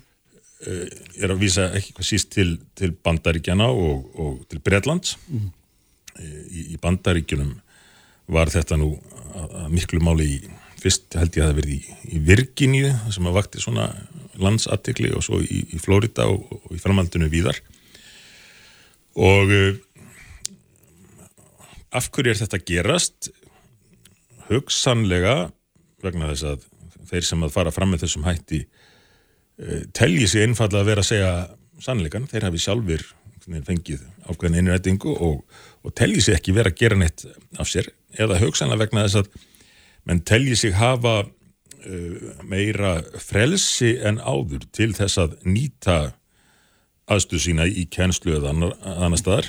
Það að svona sé farið að skorta þessi gildi sem voru ráðandi hjá kennurum og leiðbennindum alla tíði sem að margir í minni tíði námi voru vinstri menn. Kennarar hafa kannski verið svona tildula vinstri sinnu stjætt allengi fyrir all löngu síðan voru kennarar tildula hægri sínaðir. Það er, það er langt um liði síðan það, það var. En þeir maður varði ekkit var við það að þeir væru að reyna sérstaklega að koma á framfæri einhverju pólitískri sín og þannig að maður farið í kænstustund hjá kennara sem maður, maður vissi, vissi að væri vinstri sinni og akt, aktífur í því og lært um Karl Marx þess að kennarinn væri að segja manni að þetta væri svo sem hefði rétt fyrir sér mm -hmm. og svo fór kennarinn að fjalla Hefur einhverja heimildir fyrir því, er, ég verður að rukkað um það hefur einhverja heimildir fyrir því að að þetta, ég meina, ertu með eitthvað höndunum annað en einhverja nokkrar glærur sem tilfeldi við sá skotuð um kollinum um að þetta hafi breyst? Já, ég, ég hef eins og ég segir heyrt, fengið að heyra sögur frá fólki sem hefur sett sér í sambandum mm, mm. Um, um reynslu, eigin reynslu eða barnana sinna. Uh, það hefur verið dreift á samfélagsmiðlum, uh, glærum og öðru og ég hef með þess að uh, byrt klausu úr kennslubók í stjórnmálafræði sem er notuð víða í framhaldsskólum eða varamistakosti og meðalans í Vestlunarskóla Íslands. Það sem að eignarétti var stilt upp sem andstæðu, nánast sem andstæðu mannréttinda. Mm -hmm. og eignaréttur ég held þess að saminnið þjóðna skilgrina þannig verið talin eitt, eitt mikilvægsti þáttur í mannréttindum. Ég benti á til að mynda þessi örláns og kulluð sem hafa verið veitt konum í þrónarlöndunum sem hafa skilað alveg gríðalegum árangri fyrir þær og fjölskyldur þeirra þar sem að eignarétturinn er virtur. Og er orðið sjálfstæðar fyrir vikið. Að við erum líklega komin í þá stöðu að minnstakosti að þurfa að velta fyrir okkur kennsluefni og og því hvort að Já, en, svona, það sem áður töldust bara almenn grunngildi samfélagsins eigi undir högg að sækja og ég er ekki, ég ítrekka það, ég er ekki að tala um að kennarar almennt séu að reyka áður en, en það verðist vera að fleiri telji sig hafa leifi til þessu, sérstakta ágefni þegar að kennara kennarin talar á þeim nótum. Mm -hmm. En það sem er náttúrulega svona að þjú nefnin og bandaríkin sérstaklega þar hafi menn þurft að eða einhverjir hafi talið sem þurfa að grípa til að gera, þá veitum við náttúrulega meðal annars að það er hérna það eru dæmið það að, að skólum hafi verið bannað að tala um okkurna hluti. Hérna, setjum við bannað að tala um þróunakenninguna það eru er dæmið slíkt. Já. þetta eru dæmið um pólitísk afskipti innan gæðsalappa við um dæmið það sé, það sé bannað að hérna, tala við börn yngre en 11 ára um, um, hérna, um kynneigð og svo framveist um, um, þetta, og þetta er einhver hugmyndafræðilegu slagur sem framfer í gegnum skólakerfið og að því leiturinn til myndi ég halda að það var alveg þess virði að þú hugleitur á móti hvort að hinn pólitísku afskipti af frelsi kennara Já. hafi ekki líka mjög hérna, eða sé ekki mjög takmarkuð Já, við, ég meina við hefum ekki verið að segja kennurunum uh, að þeir eru að reka áróður fyrir okkur og okkar sjálfum en hvort sem er ég eða einhverjur öðrum flokkum hvort sem að það er Þetta kennari úr en ég ég er ekki að tala um flokka, við erum bara að tala um almennt En já, nefnir við dæmi til, sem ég gerir að fyrir að sérst að vísa í, bandaríkin. Já, já, og, þar hefur verið ég myndi leitast við einhver staðar maður hefur heitt þess að sögur að banna kennsla á þróunakenningunni. Ég held að stjórnarskráin hef nú yfirleitt samt komið í vekk fyrir slíkar hugmyndir e, í þeim afmörkuðu kin, kimum sem að, sem að hafa reynt það. En svo eh, sér maður líka að, að þetta er ykt á, á hinvegin, þú nefnir bann við, við kennslum kynhegð fyrir börn yngri en uh, 11 ára. Það, uh, Ron DeSantis sem að nú er talin svona með kannski þeim líklir til að bjóða sér fram til fórseta í bandaríkjunum næst uh, laðið fram lagafrumvarp í, í Flórida sem var kallað Don't Say Gay það segja að veri bannað að segja hommi. Uh, þetta var bara ósatt og, og þetta áminningum það hvernig umræðum stjórnmálur er alltaf farin að snúast um umbúðurnar og, og einhverja merkjum það. Kom ekkert fram í, í þessum, þessu frumarpið, þessum lögum um kynneið. Uh, frumarpið snýrst um það að börn nýjáru yngri ættu ekki að læra of mikið um kynlíf uh, almennt og er, er ástæða til þess að, að 8 ára börn séu sett í kynlýsvelli Já, ég er ekkert viss en, en að minnsta Veit kosti það þá, þá var þetta sett í allt annan búning heldur en málið í raunverulega var. Og ég myndi te- En telja finnst þér það í grunninn að, að, að ef, ef þú ert þeirra skoðunar að, að það sé þetta umgangast námsefni með þessum hætti að stjórnmálum geti skoða sætt lög skulum ekki tala um þetta svona hins sem finnst þér það vera Mm. er það, það viðlítandi aðferð? Er það aðferð sem að þér myndi svona finnast það elli nú skal ég einhverjum upplýsa um það að stjórnmáluminn setja lög um- Eða þeir sem ekki námskrá. Já, þeir semja námskrá. Nei, þeir sem ekki námskrá, vantilega ekki sjálfur, nei.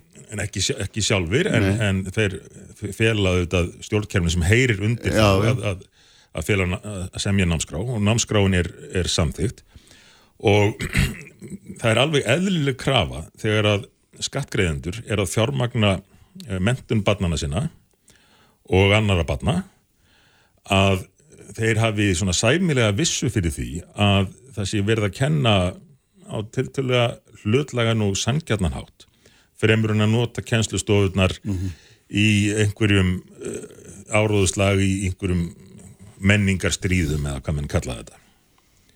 Og, og það hefur bara reynst alveg príðilega áratugum saman að að eh, treysta kennurum fyrir fyrir mentun barnana og skólastjórnundum en það sem ég er að benda hér er að þetta félur í sér breytingu. Þegar að meiri sér sá sem að stjórna náminu fyrir kennarana telur að það með ekki einu svona gera aðtúasend við það þegar kennari fer í já, mjög mjög óræktnum hætti í, í pólitískan áróður. Og sama tíma tala menn um, um hatursorðræðu.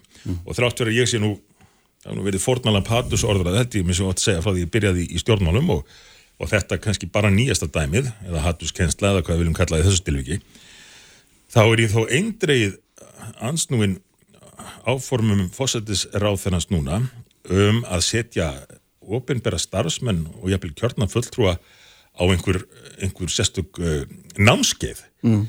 skildu námskeið um innrætingu hvað þeir megi segja og hvernig þeir megi hugsa og, og búa til enn eina stopnunina nýja stopnun til að fylgjast með þessu og af hverju hef ég ágjörð þessu það er vegna þess að þróunin hefur jafnan verið svo þegar að búið er að veita mönnum verkværin í formi laga eða regluna og stimpla þetta sem baróttu gegn einhverju illu í þessu tilviki hatus orðræðu, þá útvíka menn uh, skilgreininguna. Við sáum breytana nota uh, hriðjuverka lögjöf gegn okkur í bankarhunnu og hvað var þar hatus orðræðu þá eru ótal dæmum það í, í öðrum landum og jafnvel hér á landi að menn jamt og þétt útvikið þetta eftir því sem að hendar stjórnvöldum.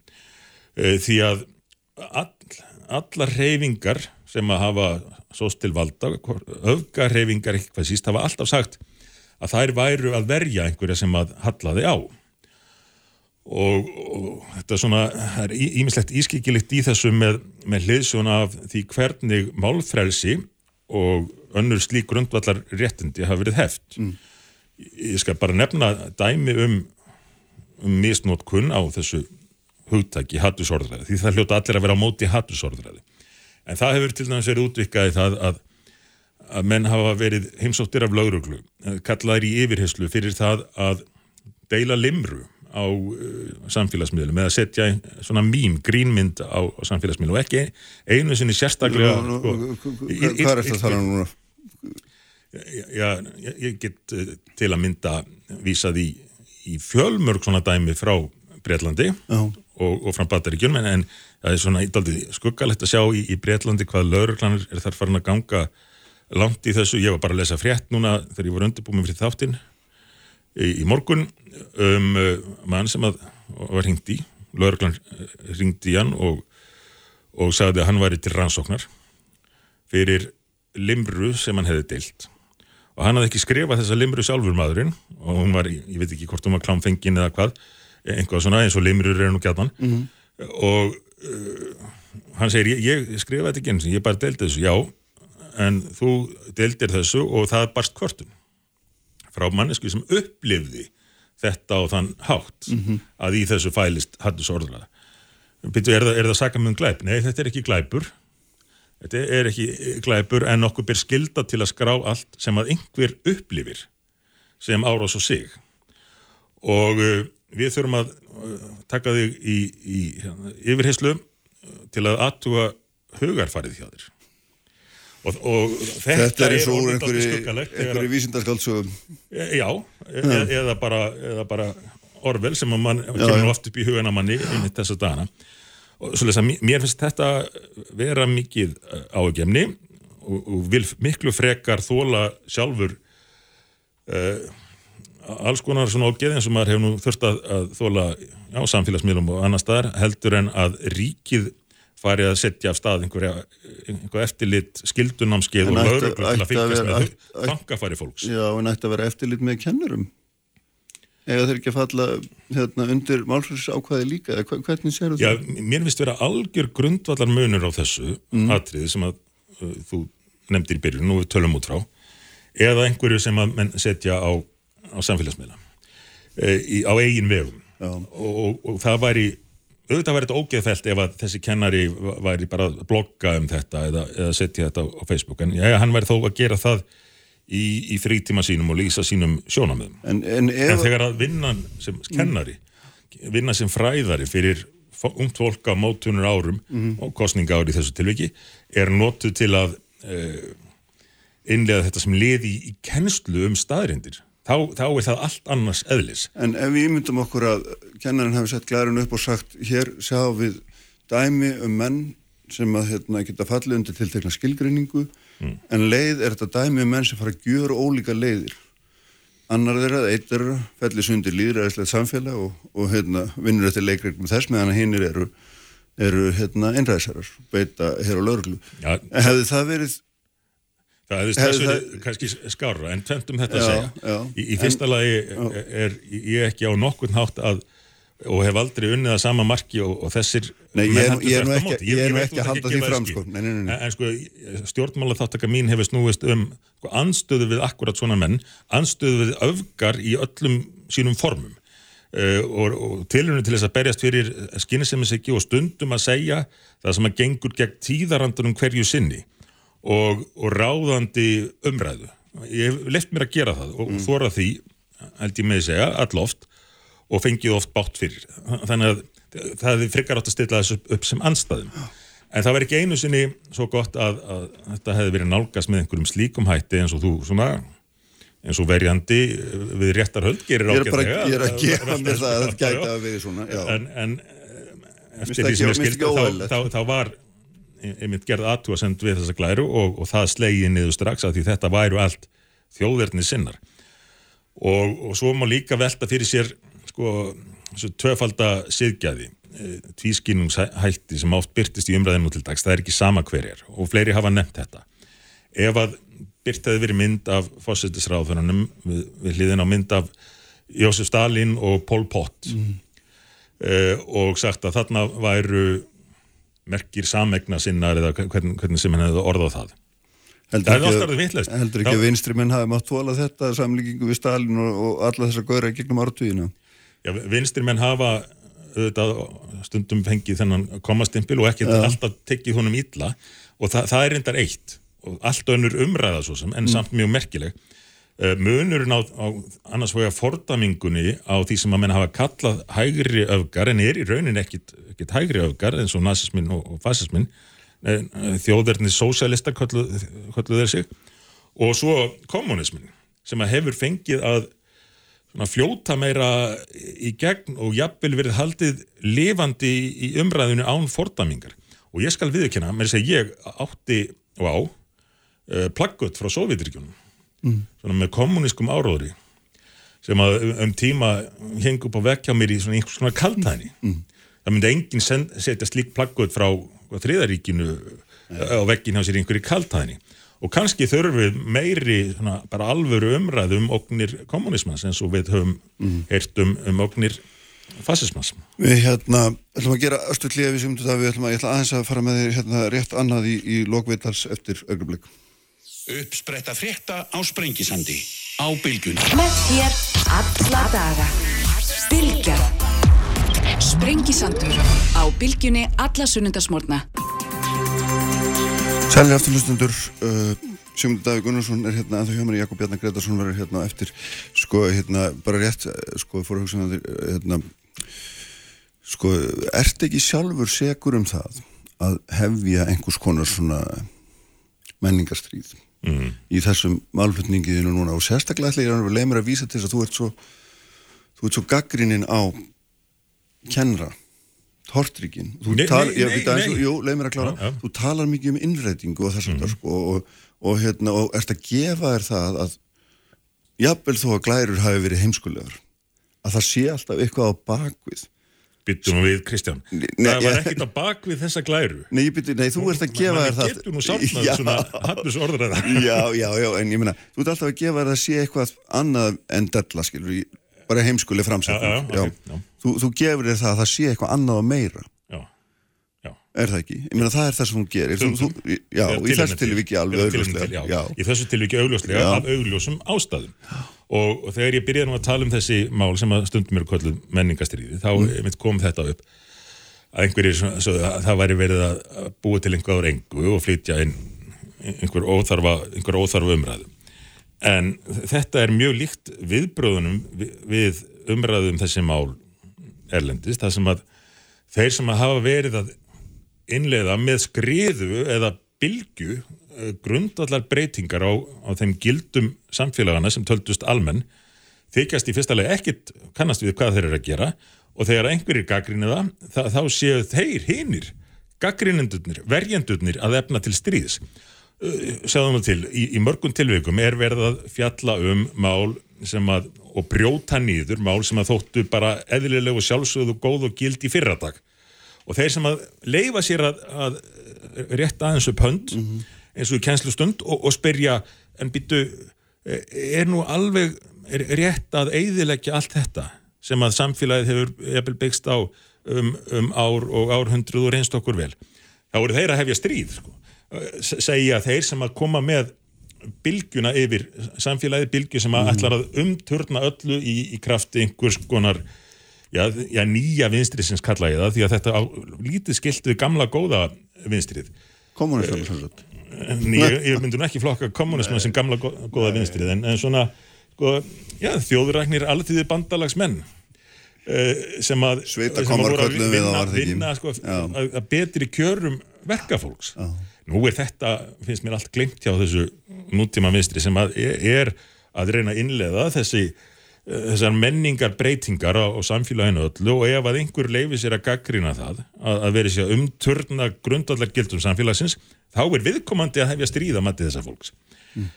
og, og, og þetta er allt liður í því að hræða fólk frá umræðu. Og það eru mjög margir. Ég upplifið þetta og, og, margir hafa sagt sömu sögu sem, sem að segja sko, þetta er alveg hræðilegt þetta er hitt sem er að gerast. En ég bara ég legg ekki í að tjá mig um það því að þá fæ ég yfir mig því líka holskeflu að ég, ég bara þóli það ekki. Ég, ég, starfið mitt var jafnvel í hættu ef ég bara benti á sannleikan í þessu málið að hinnu þannig að þetta er óg, ógnar stjórnun á vissan hátt. Uh, meðal annars til að koma í vekk fyrir umræðu og fá fólk til að sjálf rítskoða sig. Og það er hættulegt uh, fyrir þróun samfélags því að slíkt hefur alltaf verið undanfari óheilla þróunar. Árangur okkar í gegnum áratugju og aldir hefur byggst á, ekki hvað síst, málfrelsunu. Og það er stundum vísað í, í og all oft... En finnst þér ekki svolítið innantómt að tala um það að málfrelsi sé ógnað? Ég meina, það Nei, hefur grunn, grunninn ekki verið jafn mikið málfrelsi nokkuð tíman í sögun eins og dag. Þú getur, hver sem er, getur sagt hvað sem er, hvenar sem er Já, s- og hefur sko vettvang og miðil til stundum- þess, er það ekki rétt? Stundum segja að þeir sem er í raun anstæðinga málfrelsist þetta, ég meina að þú getur sagt hvað sem þú vilt, en það verður auðvitað að hafa afleðingar. Mm. Og, og það er verið að innlega það með, með því að jafnvel þegar mann deili einhverju skopmynd þá getur það haft afleðinga fyrir viðkomandi og jafnvel ógnað atvinnu öryggi viðkomandi. Þegar Elon Musk kefti Twitter bæði í fyrirtelurinn og svo þegar það loksins hafðist þá e, voru margir sem bara köstuðu grímunni og sagðu að málfrelsi geti bara verið hættulegt. Eh, Það væri ekkit endilega víst að það ætti við lengur einhver grundallar regla um málfrelsi. En það er vegna þess að þetta fólk þá telur sig hafa höndlað sannleikan betur en allir aðrir. En málfrelsi þarf líka að vera fyrir vitlisinga. Því að það kemur nú stundum á daginn að þeir sem taldir voru vitlisingar reyndust bara að hafa rétt Ég hef ekki heyrt, allavega ekki hér á landi nokkuð tíma nokkuð mann tala um það að þetta takmarka málfrelsi.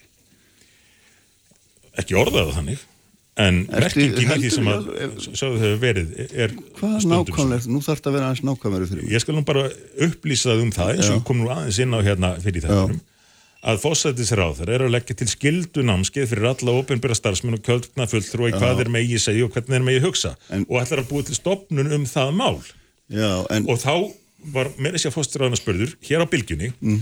uh, um, um þessa glæru sem við töluðum um fyrir þettunum og hvort að það væri hattusorðraða sem að, að ætti þá að takmarka. Fósættisráður vissi það ekki sagðist þurfa að fara á námskeið og þá spyr maður sig sko ef að fósættisráðurinn veit ekki hver áhrifin af löggifinu sem að verður að innleiða verða og þarf að fara á námskeið hverjir munu kenna námskeiðið verður það fólk bara úr þú úr heyrir hvað þú ert, þú, þú heyrir hvað þú tortryggin. Ekki- það er alveg- Það er alveg sama við, um hvað við erum að tala. Já, Þú ert já. alltaf svo tortryggin. Ef það er ekki þessi, þá er það næsti. Ef það er ekki hann, þá er það sá sem semur efni. Það er ekki sá sem semur, þá er sem talaði þann sem samt Nei, Og þú, þessi, þetta er endalus keðja. Þetta er út úr snúningur hjá þér Nei. hef ég ekki haft rétt fyrir mér um varnar orð mín Um allt í lífinu. ekki allt í lífinu, ekki alveg allt Nei, en, en svona eitt og annað, það sem ég hef ymmið fengið að heyra þetta, ég væri svo tortrykkin eða ég væri að búa til einhvað úr engu alveg frá uppáðu sko, vorum að slást við brettan út af reyðverkulegunum og svo æsef og öll þessi þróun. Ég, ég, alltaf væri sigmundur að hérna, gera einhvað mál úr einhverju sem væri ekkert mál. En það þarf einhvern í stjórnmálunum sem að segja hlutina eins og þeir eru.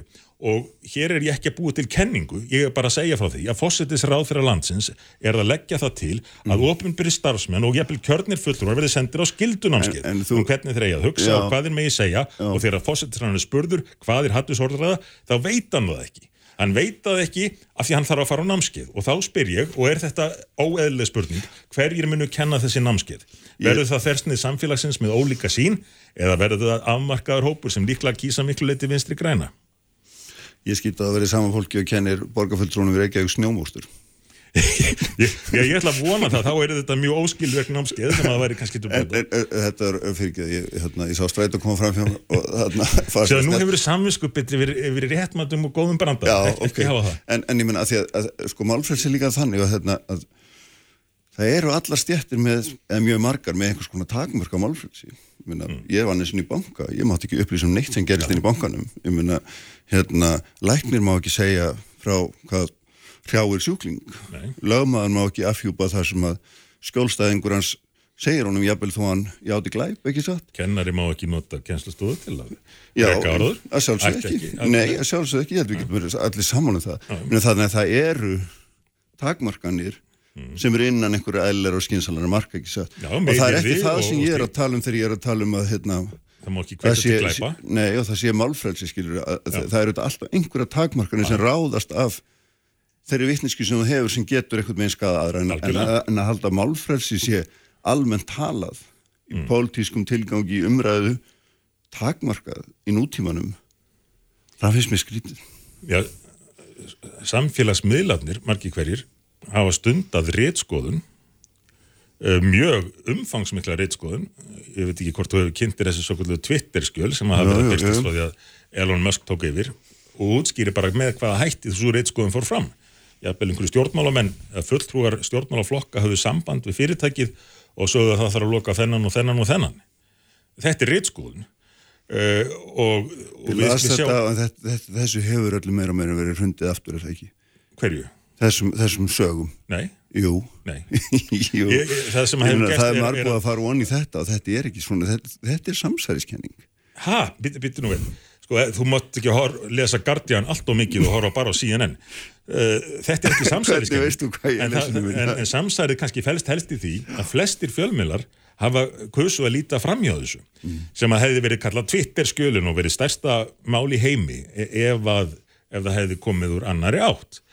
En fjölmiðlum sjálfum er allt of mörgum farið að líða ve vel með rítskoðun einhvað sem að, að, takmarka málfrelsi, einhvað sem að þeir áður töldu algjörlega heilagt.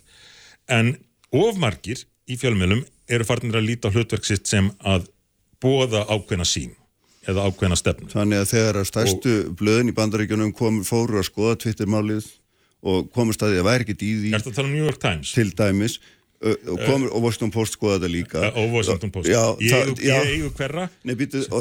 Hverra? Já, aftur, þú ert aftur á eins og tortryggin Já, það þarf að vera hverra. Blaðamenn, aðstæður. þeir vinn ekki að því þeir eru eigu einhverja. En þegar þessir helstu fjölminn að skoða þetta mál segja þeir ekki dísu, þá segir þú, jú, það er vist eitthvað þessu, þið bara, hérna, eru það þeir Býttu, þið, þið að vinstrikantinu, þið eru nú upptekinn að því hverjir er eigi fjölmiðla ef að þeir eru úr, úr rangri átt, er það ekki, ekki? ekki, ekki Eh, en- mig þig á vinstri En, en uh, sko, þessir miðlar til að mynda uh, New York Times og Washington Post eru, eru gjör breyttir frá því sem áður var. Og ef menn fylgjast þetta með umræðum um stjórnmál uh, þá, er orðið í raun kostulegt hvaða sögur eru farnar að byrtast þar sem að oft á tíðum standast enga skoðun. Og varðandi þessi Twitter-skjöl þá hefur eh, einmitt ekki verið sínt fram á að uh, þau hafi, hafi verið einhver rántið en þetta byrtist, bygg, byggði allt á gögnum úr fyrirtækinu sem að þessi maður, Elon Musk, hefði keift og opinberaði. En uh, þar kemur meðal annars fram að fulltrúar stjórnmálaflokka hafi geta haft samband við fyrirtæki til þess að se segja til um ákverja eftir loka. Og, og telur þú að það sé ekki rétskoðun á, á samfélagsmiðlum og telur þú að allt sér látið yfir alla ganga að það sé gætt jafnræðis?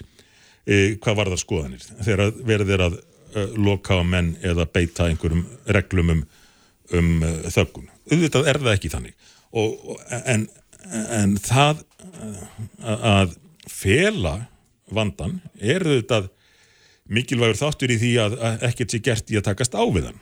Og, og þegar að má ekki einu sinni gaggrina það að kennslustofa sé notuð til þess að uh, líka starfandi stjórnmálamanni við vestu illmenni mannkinn sögunar sem liði í kennslu og sagt hvað ert ekki bara ó, með óþarfa áhyggjur, ert ekki alltaf að búa til einhverju óvinni og svona?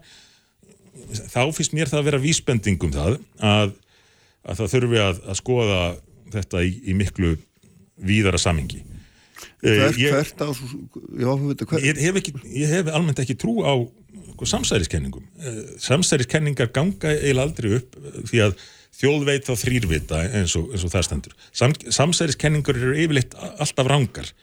En hér eru við ekki að tala um samsæriskenningar. Hér eru við bara að tala um uh, ofinbært jafnvel samstarf um það að loka á ákveðnar skoðanir og lifta öðrum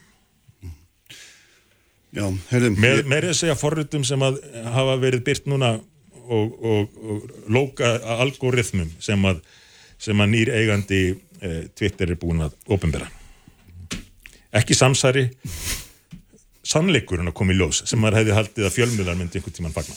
Herðum, ég held að við komumst ekki lengri bili og þarna, takk fyrir að koma Takk. og þetta var í frálegast eins og alltaf þú kemur Jakob Jarnar verður hérna hjá mér eftir augnablik Sprengisandur, alla sunnudaga á bylgjunni. Fréttir, fróðleikur og frábær tónlist. Bylgjan. Sprengisandur, alla sunnudaga á bylgjunni. Sælir, hlustandur aftur, Sjómundur Davíð Gunnlaugsson, formað Mirlasins, farin frá mér eftir eftir uh, við tal um þessar glæru, frægu glæru sem að hérna hefur nú aldrei sverið í fréttum og undarförnu uh, halda áfram á svipunótum, Jakob Bjarnar Gretarsson er hérna hjá mig blaðamaður. Uh, og hérna sem ég hóa stundum í þar er að fara á skarpa greiningu á, á strömmum og stefnum. Hérna, og, og hérna Ég, mér rakir róast hans þegar ég kom inn innan dinnar og sá Sigmund maður. Ég bara, ég kvitt undir allt sem hann hefur um þetta að segja. það er þessi loki bara fyrir Já, ok, bless.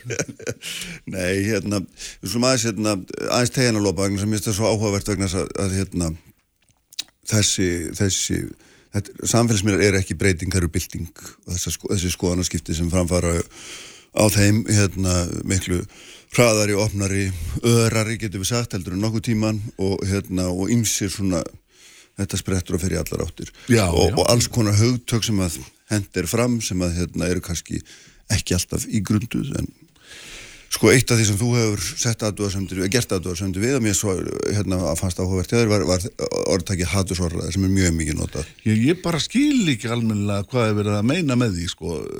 Ef við erum svona að velta fyrir okkur merkingu, þá, Já.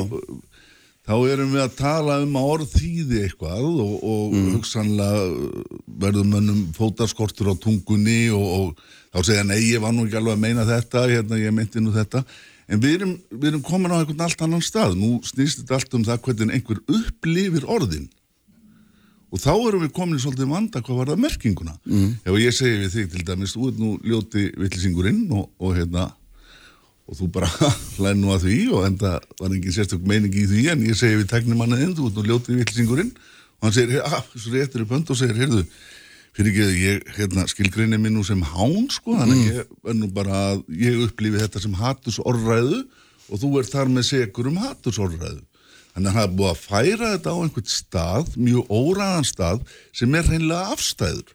Og mínar áhyggjur snúa meðal annars að því að þarna séum við hreinlega að setja rétta ríkið sjálft í svolítinn vanda. Mm. Því að þetta er ávísun á geðþótta ákvörðum.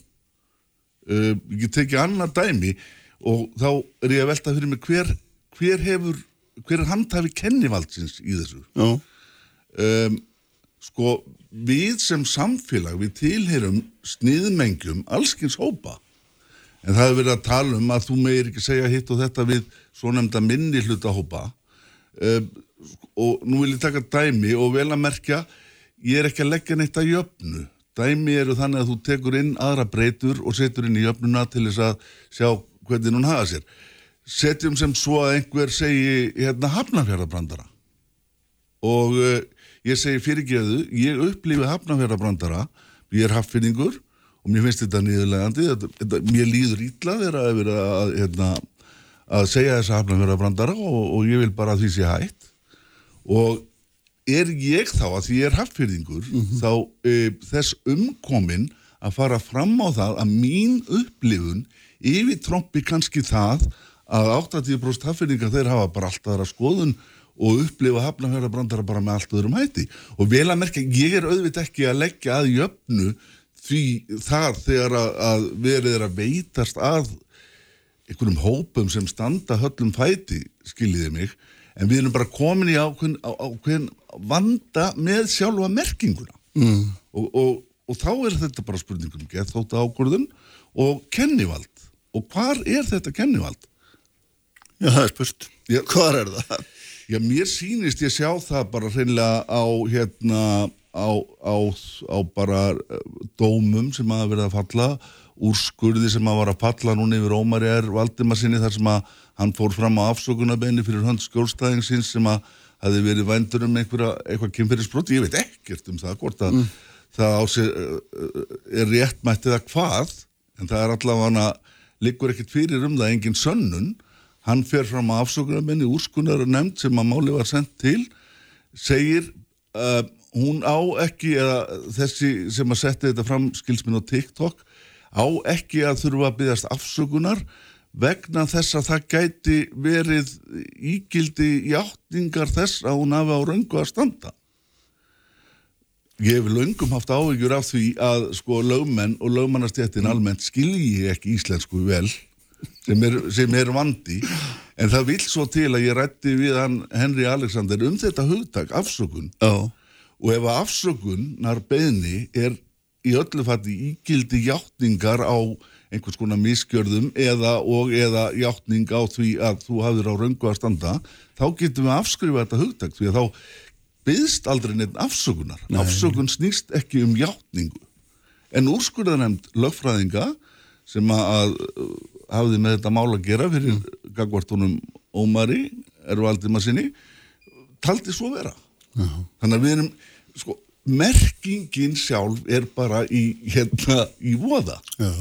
Og það er auðvitað, um leið að það er gerist líka, þá, þá hérna, skiptir náttúrulega líka máli um, hvaðan eitthvað kemur og eins og nefninu hamnumferðarbrandarann sem ég veit að hérna, sem finnst ábygglega liðlegt dæmi, en það er mjög gott dæmi vegna þess að það er skop og skop er einmitt hérna, ein leið til þess að setja fram eitthvað sem á að, eins og kallað er að taka fólk nýður. Já, við erum sko uh, grínið er kanarífuglinn í kólanámunni og, og hérna grínarar eru náttúrulega gríðarlegu uh, vandar sko vegna þess að þessi réttrúnaður, þessi vókismi hann, þetta er valtari sem fer yfir öll blæbriði tungumálsins.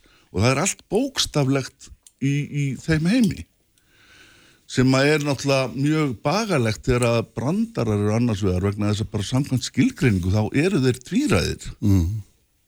þeir eru ekki bara nýð eins og þeir eru lagðir upp sko, þegar hendar sko, við, maður getur náttúrulega velt fyrir sér þessu uh, máli hérna eigamanna sem að voru með sína skessur og það allt sko. Já. Sem sumir segja hafa verið brandara, en Já, já, en þá erum við aftur komin að þessu ég upplifið þetta svona og þá er það rétt og þá meintir þú eitthvað allt annað heldur en þú kannski meintir. Skilur þau mm. og þá erum við bara komin í mikil vanda. E, PCS-minn sko sjáum þetta líka í skaupinu sem að mér fannst nú ekki eins gott og margir vilja meina að það hafi verið. Það er undir þessum formerkjum að, að hérna þetta er PC-skaup og, og það er ekki gert grína til dæmis uh, hver, hver, hvað er það fyrirbæri sem helst hefur sett mark sitt á samfélagið undanfarinnar 20 ára?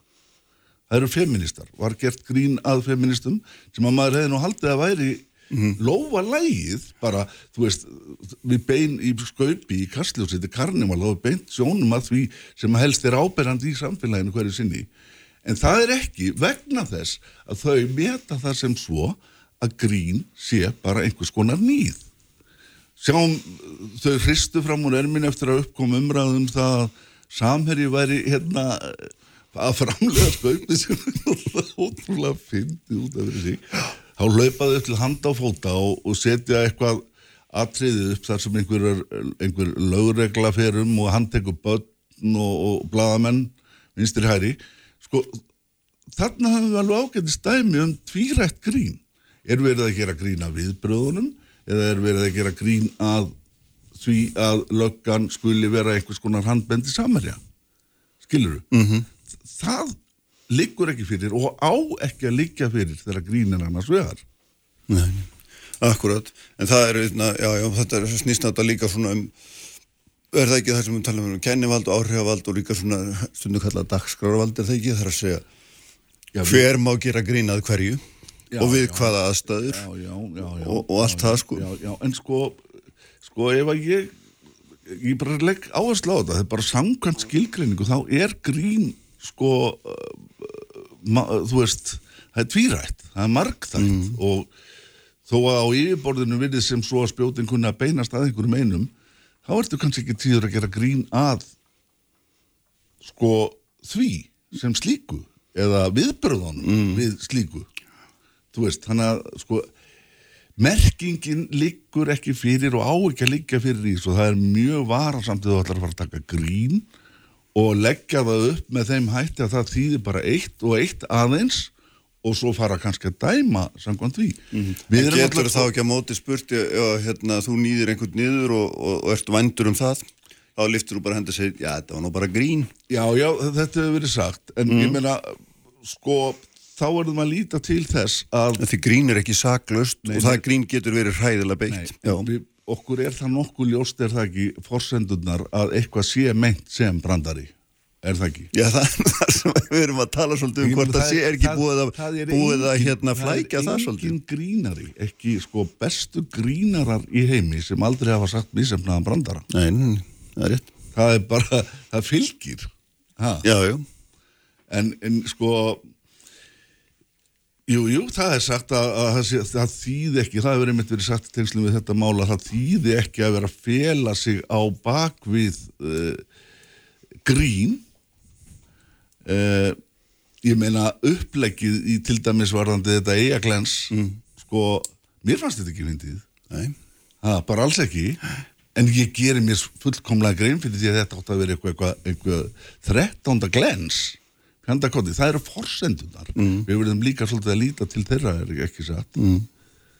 ekki bara kippa út úr því sem hendar og segja að þetta er hatursorðræða ég, þú veist, ég heyrði nú að Sigmundur kom eitthvað inn á það Sigmundur Já. Davíð hérna áðan sko. já, já. en sko mér líður eins og við séum komin inn í einhvern orveilískan heim þegar að Katrín Jakobsdóttir ætlar að skikka alla ofinbera starfsmenn til að sitja námskeið um, um þetta mjög svo loðna hugtak sem er hattursorðraða vegna þess að fókusin er bara út á suður hvað ætlar hann að gera ef að einhver segir, heyrðu, nei ég kæri mikið um að sitja þetta námskeið, ætlar hann að reka að mannin eða þú veist, þetta er bara eitthvað þetta er bara eitthvað bull. Og við skulum sko aðtu eitt. Að við erum komin upp með sko heilmikinn jafnréttis yðnað fólk sem hefur beilinnis hagsmunni af því að fjalla um þessi mál. En sko þessi er alltaf snúið upp þannig ef, ef einhver hefur einhverjar aðtóðsendir fram að færa við sko aðferðirnar þá er hann á móti markmiðinu. Og, og það hefur einkent alla þessa umræðu. Þess vegna er sko logandi ótti við þessa umræðu, það þorir enginn að tjá sig um þetta vegna þess að ef að þú hefur einhverjar aðtóðsendir fram að færa við aðferðirnar sem er þá ertu á móti markmiðinu og þá ertu bara orðin hvernhattari, þú ert orðin hórkall, þú ert orðin rasisti og eitthvað þaðan að verða. Hver vil fá það á sig? Það er hérna Þetta er svona kúandi þáttur í allri þessari umræðu og hefur verið undanfærin ára tug. En finnst Þannig að það- það... þeir einir virðast með að tjása um þetta sem að eru hagsmuna tengdir og þú veist, hér er bara allt komið á haus. En finnst þér það að því að Sigmundur Davíð taldi að hann rétt að það væri svona einhvers konar, ég veit ekki, kerfis innbyggt svona innbyggðar hömlur á málfrelsi út af nákvæmlega þessu, hérna, þessum holskeflum sem að fólk geti inni. Er, þú, ert, þú ert að lýsa svipuðu. Já, algjörlega. Já. Þetta er bara, það er herrkvaðning og, og ég mér ekki, mér rámar í einhvern veginn, Jón Óskar myndlistamæður af öllum mönnum. Mm. Ég veit ekki um nokkurn einasta mann sem er ítla við Jón Óskar. Þetta er einhver mest í hérna, gæða maður sem hægt er að hugsa sér.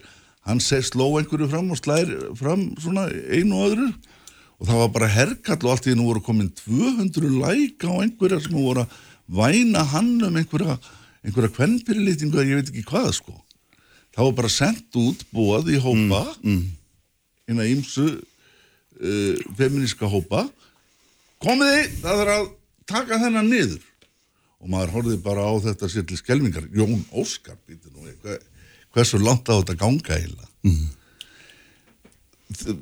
þetta er bara vandi en það er náttúrulega eins og þú segir fjölmiðlar höfðu áður þetta, ken, þetta, þetta já. að það var þeirra ákvarða hvað heyrði til ofnbæra merkingar og, og ofnbæra byrtingar og hvað ekki já, já. nú er það bara komið á allt annan stað og ofnbær byrting eru samfélagsmiðlarnir þannig að við erum bara við erum að fóta okkur í þessu já. En mér langar að nefna Já. þetta með sko þegar ég segi sko, þú bendir á klukkuna já, Já. Nei, sko bara eitt dæmi. Já. jafn jafn launa votturinn Já.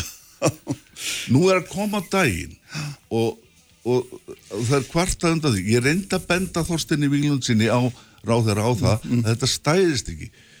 Að, að hérna, þetta vandamáli væri ekki að Jón og Gunnar sem eru leikskólar væri ekki á sömu launum heldur en Jón sem er sjómaður á öðrum launum heldur en Gunnar leikskólakennari. Þetta var keirt í Tökum þetta setna, er það ekki?